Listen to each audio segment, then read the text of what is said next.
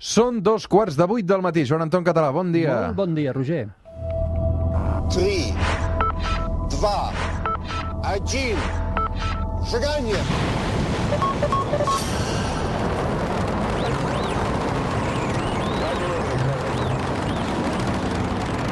One small step for man, one giant leap for. Joan Anton, ben tornat al suplement. Moltes gràcies, Quina ben bona trobat. cara que fas, eh? Uh, I tu també, eh? Sí, tots dos hem fet vacances, això se'ns nota. El suplement cada diumenge a la Terra es plana. Nova temporada amb el Joan Anton Català parlant de ciència, fixant-nos cap al cel. El Joan Anton Català segur que ja el coneixeu d'aquesta temporada passada del suplement. Ens va acompanyar cada diumenge. Ho continuarà fent màster en astronomia, astrofísica, químic quàntic, autor de molts llibres, l'últim 100 qüestions sobre l'univers, també de la novel·la juvenil Projecte Galileu. En fi, um, una persona amb la qual s'aprenen moltes coses i això precisament és el que volem fer al llarg d'aquesta temporada els diumenges, a l'hora, si fa o no fa, que surt el sol. Per què avui, no t'he preguntat encara a quina hora ha sortit el sol, Joan? Sortia a les 7.25. 7.25, res, fa, fa tot just 5 Res. minuts. Això vols dir que segurament la setmana que ve ja està. Sí, nosaltres començarem abans que surti el sol. Ja. Després hi ha allò de l'octubre, que hi ha el canvi d'horari. Mhm. um, escolta'm, Joan Anton, com ha anat l'estiu? Molt bé, fantàstic, fantàstic. Has estat treballant moltíssim, sobretot com a ponent a l'Observatori Fabra, ho recordàvem, Sí, sí. Um, rebent tota aquesta sèrie de, de, de gent que té ganes de mirar les estrelles Sí. des d'un lloc tan emblemàtic com on es veu tot Barcelona de la manera que es veu, però és Mm. que a més si aixeques al cel, no? Exacte, aixeques la vista al cel i veus coses, però t'haig de dir que la bona notícia pel Sí. que fa al programa i el que estem Mm. fent aquí és que molta de la gent que ha vingut s'ha adreçat directament a mi, són seguidors del programa, Tu ets el Joan Anton del suplement. molt bé, molt bé. eh, que segueixen la Terra és plana i no només de, de, de llocs a prop, diríem, o més, o més comuns, sinó, per exemple, eh, he rebut visites de gent de Cecilles Carai. o gent de Castelló que eh, literalment m'han vingut a buscar en el sopars amb estrelles per dir-me que segueixen el programa. Ens fa molta il·lusió, unes abraçades ben fortes a tots aquests oients que també segueixen el Joan Anton en aquest espai i a través d'aquestes conferències xerrades que ha fet aquest estiu a l'Observatori Fabra. Això continua, Joan Sí, Anton, o no? això continua fins la primera setmana inclosa d'octubre. Per tant, encara tenim temps d'anar Sí, i tant, Molt bé, encara Aquest tenim mes temps, encara sí. temps. Um, Joan Anton, per cert, uh, sé com es veu el cel des de Barcelona. Ara et deia, mira, vaig marxar uns dies a l'Empordà, em vaig fixar una mica amb les estrelles Mhm. i es veien bastant diferent de, de, que la capital. Com es veuen les estrelles des de Sud-àfrica? Oh, fantàstic, perquè a més veus estrelles diferents, veus un cel del qual no estem habituats, perquè és el de l'hemisferi sud. Mm. Nosaltres el vam, ten, vam tenir la sort de poder-ho veure des del Parc Nacional Kruger, que és un lloc mm, absolutament salvatge. Aquests i senyors s'han anat a Sud-àfrica de vacances. Sí, sí, de safari, i, i el cel ha estat part del safari, és a dir, no només eren animals, no només fotografiava cap avall, sinó que fotografiava cap amunt, ja t'ensenyaré algunes fotografies, tinc tones d'elles, encara les estic baixant i les estic tractant per un cel fantàstic. Mm Doncs després de mirar les estrelles des de Sud-àfrica, tornem a la Terra per fixar-nos en aquest primer capítol de la temporada de la Terra es plana en el sistema solar.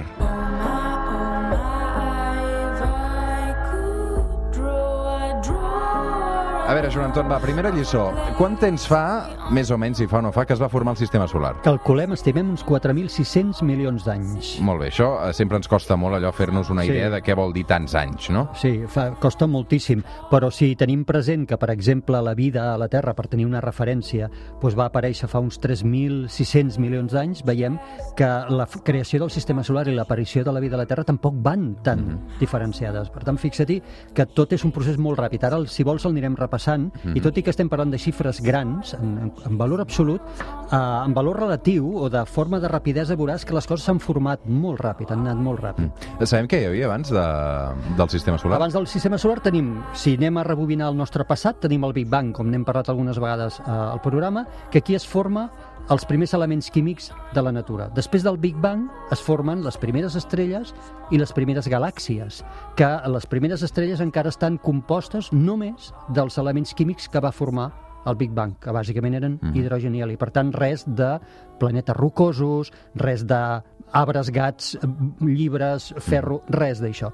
Han de morir aquestes primeres generacions d'estrelles per alliberar els elements químics que elles han fabricat a dins, que permetran que la segona, tercera, quarta generació d'estrelles ja continguin, i, i de planetes, ja continguin elements químics que no siguin només gasosos, ja continguin ferro, eh, carboni, nitrogen, i per tant és en aquestes segones, terceres, quartes generacions on neix la nostra galàxia. Neix la Via Làctea amb 400.000 milions d'estrelles, una de les quals és el Sol, que si vols ara repassem com neix el Sol i com neixen els planetes Què necessitem perquè neixi el Sol, perquè neixi aquest sistema solar? Exacte, necessitem d'entrada, com et deia, eh, hidrogen eh, i heli, que són els dos elements que va fabricar el Big Bang. Per tant, aquests ja els tenim. Hem anat al supermercat del Big Bang i aquests elements ja els tenim. Però per fer el sistema solar tal com l'entenem, on hi ha Mercuri, Venus, la Terra i Mart, que són rocosos, i tenim asteroides i cometes que són rocosos i no són de gas, necessitem elements que puguin formar roques, que puguin formar elements que no siguin només gas.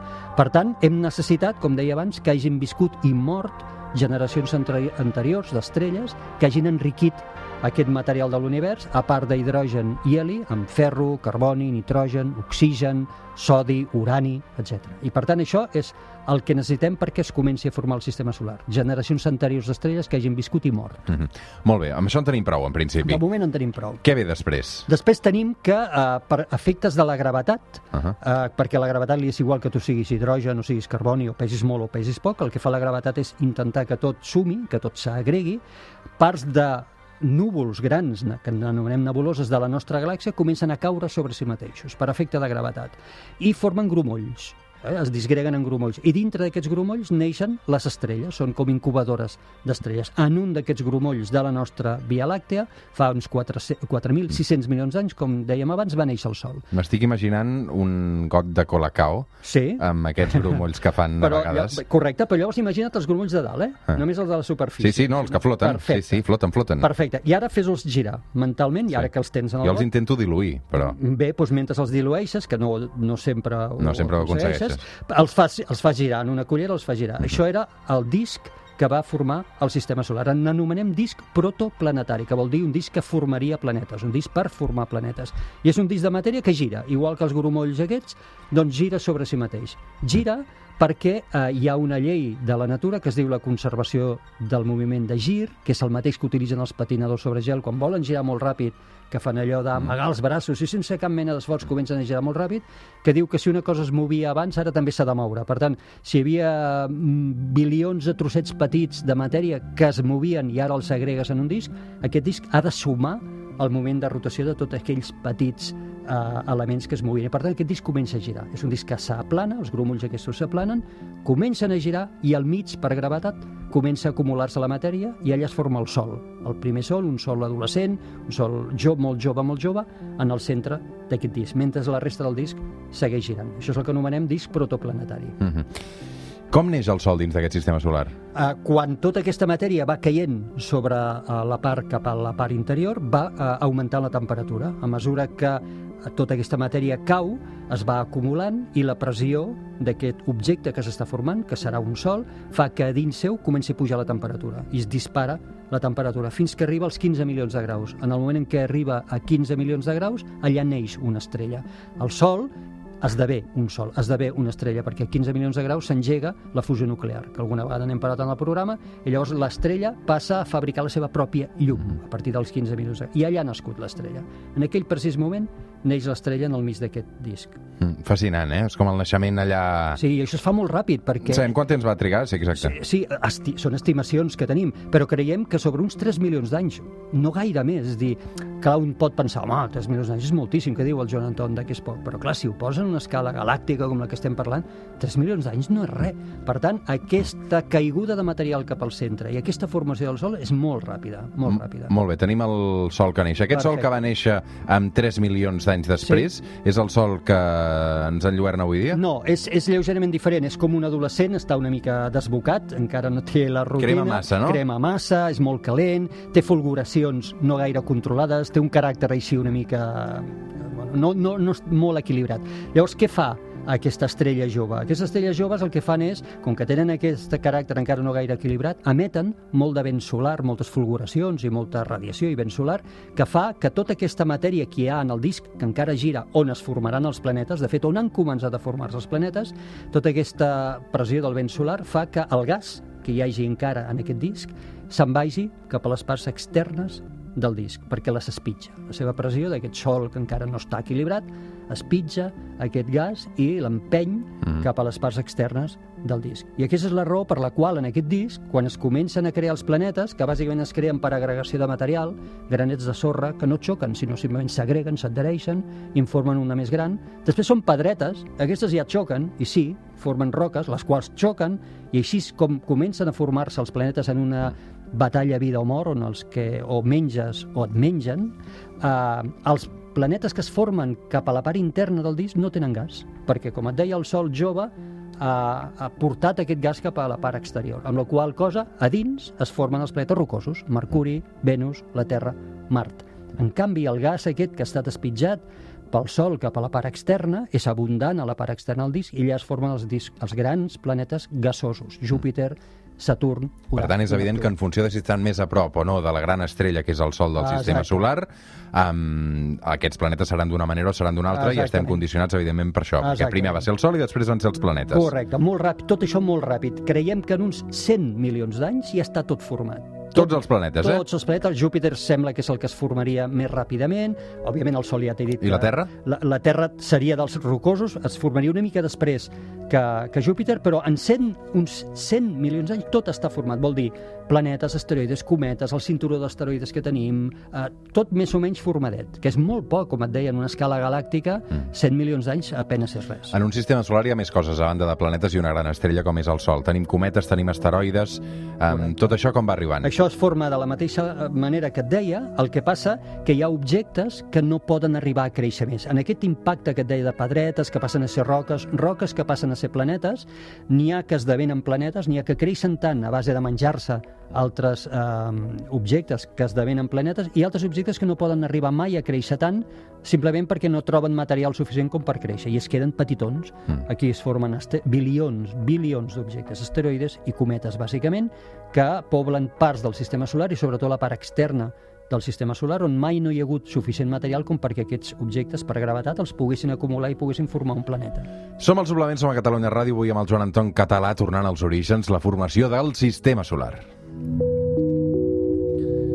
Ara pensava, Joan Anton, um, per què tenim els planetes que tenim? Per què no som més? Per què no som menys? Clar, aquesta és una boníssima pregunta. De fet, hem simulat amb ordinador, perquè tot això que t'explico no és només perquè haguem aixecat el dit i, i pensat com és, sinó hem fet simulacions d'ordinador perquè ens diguin si aquestes hipòtesis que tenim, aquests models, són correctes. Uh, podrien haver estat més planetes, però si mirem com estan distribuïts, les òrbites a les quals estan distribuïdes, difícilment podries situar un planeta mitjanament gran, per exemple, entre l'òrbita de Venus i de la Terra, sense que pertorbés tot el sistema, sense que provoqués un caos i sense que al fi, al, després d'uns quants milions d'anys s'hagués provocat una col·lisió que hagués simplement eliminat els planetes en excés i hagués deixat un altre sistema solar estable. Per tant, en aquesta batalla que et deia vida o mort, on hi ha bilions d'objectes que xoquen, al final es fa l'ordre. I l'ordre és el que ha de ser, no pot ser un altre.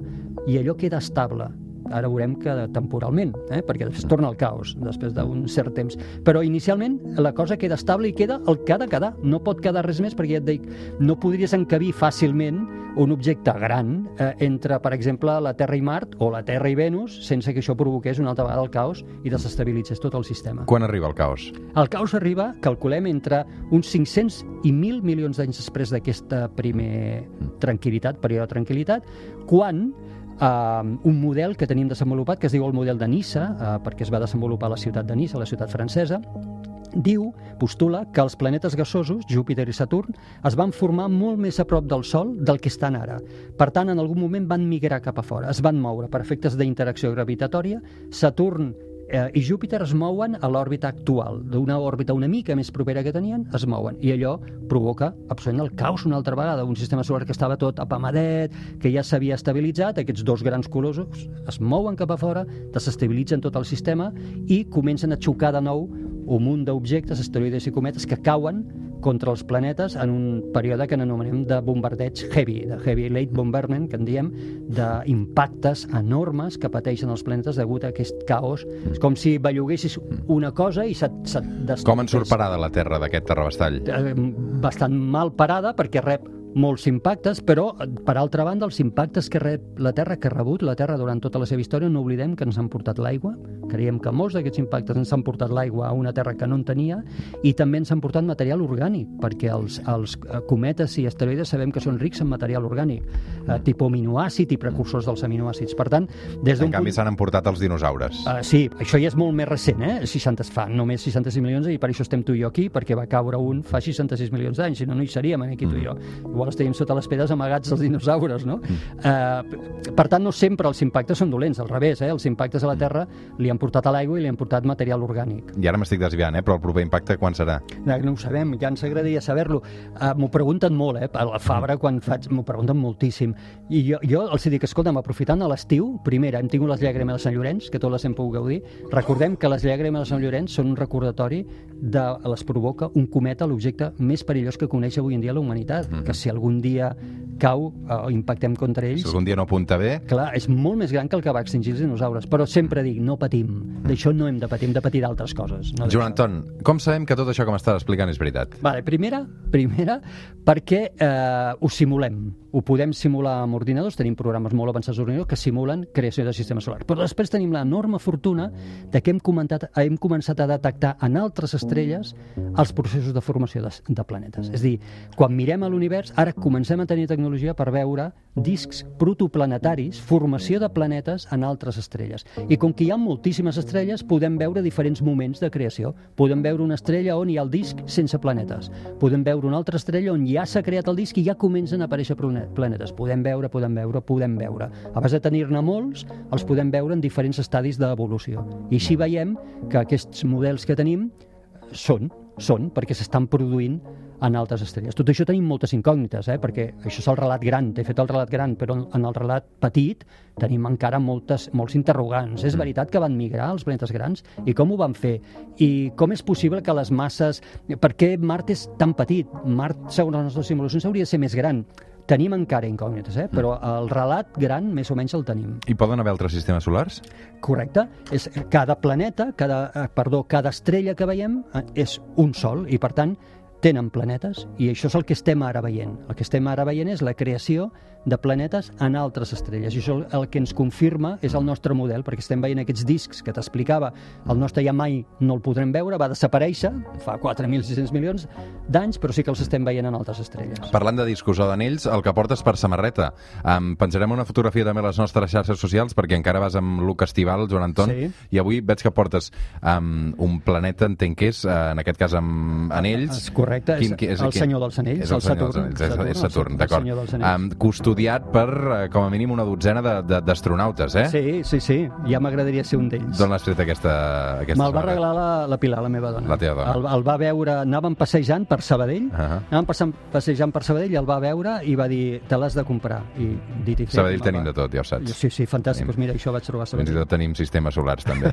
tot i que a vegades cremen. Escolta'm, um, la, la teva dona, la Pilar, quantes vegades t'ha vingut a veure el Fabra aquest estiu? Eh, unes quantes, unes, Unes quantes, Eh, és, la, és la millor de les meves crítiques. Tu diràs. Sí. Uh, què hi passarà aquesta setmana al cel, Joan Anton? A veure, sempre hi passen moltes coses, però aquesta, aquest estiu han passat les mateixes coses que estan passant ara que hem tingut, i encara tenim Júpiter i Saturn superbé per poder-los veure a ull nu. Júpiter és l'estrella, no és cap estrella, és l'objecte que més brilla en el cel aquests dies. Saturn no brilla tant, però tindrem l'oportunitat aquesta setmana de detectar molt bé Saturn perquè la Lluna eh, creixent s'hi posarà al seu costat aquesta mateixa nit. És a dir, qui miri al cel aquesta nit, si està destapat des d'on miri, veurà la lluna creixent al costat d'una estrelleta. Doncs aquesta estrelleta, que no fa pampallugues, serà Saturn. Joan Anton, una abraçada a retrobar-te també al suplement, ens fa Gràcies, molta il·lusió, igualment. crec que tindrem emocions fortes, um, a part que la setmana, l'últim capítol de la temporada ho van fer també per la Porta Gran, perquè van fer aquell reportatge a Fresnedilles, una hora, es pot recuperar al web, a 50 anys de l'home a la Lluna, aquest estiu segur que també t'han demanat conferències d'aquest estil, Mhm, i tant. nosaltres vam fer un reportatge um, doncs, explicant, rememorant també uh, aquella efemèride mig segle després. Una abraçada. Gràcies igualment. Pausa i tornem al suplement. Fins ara.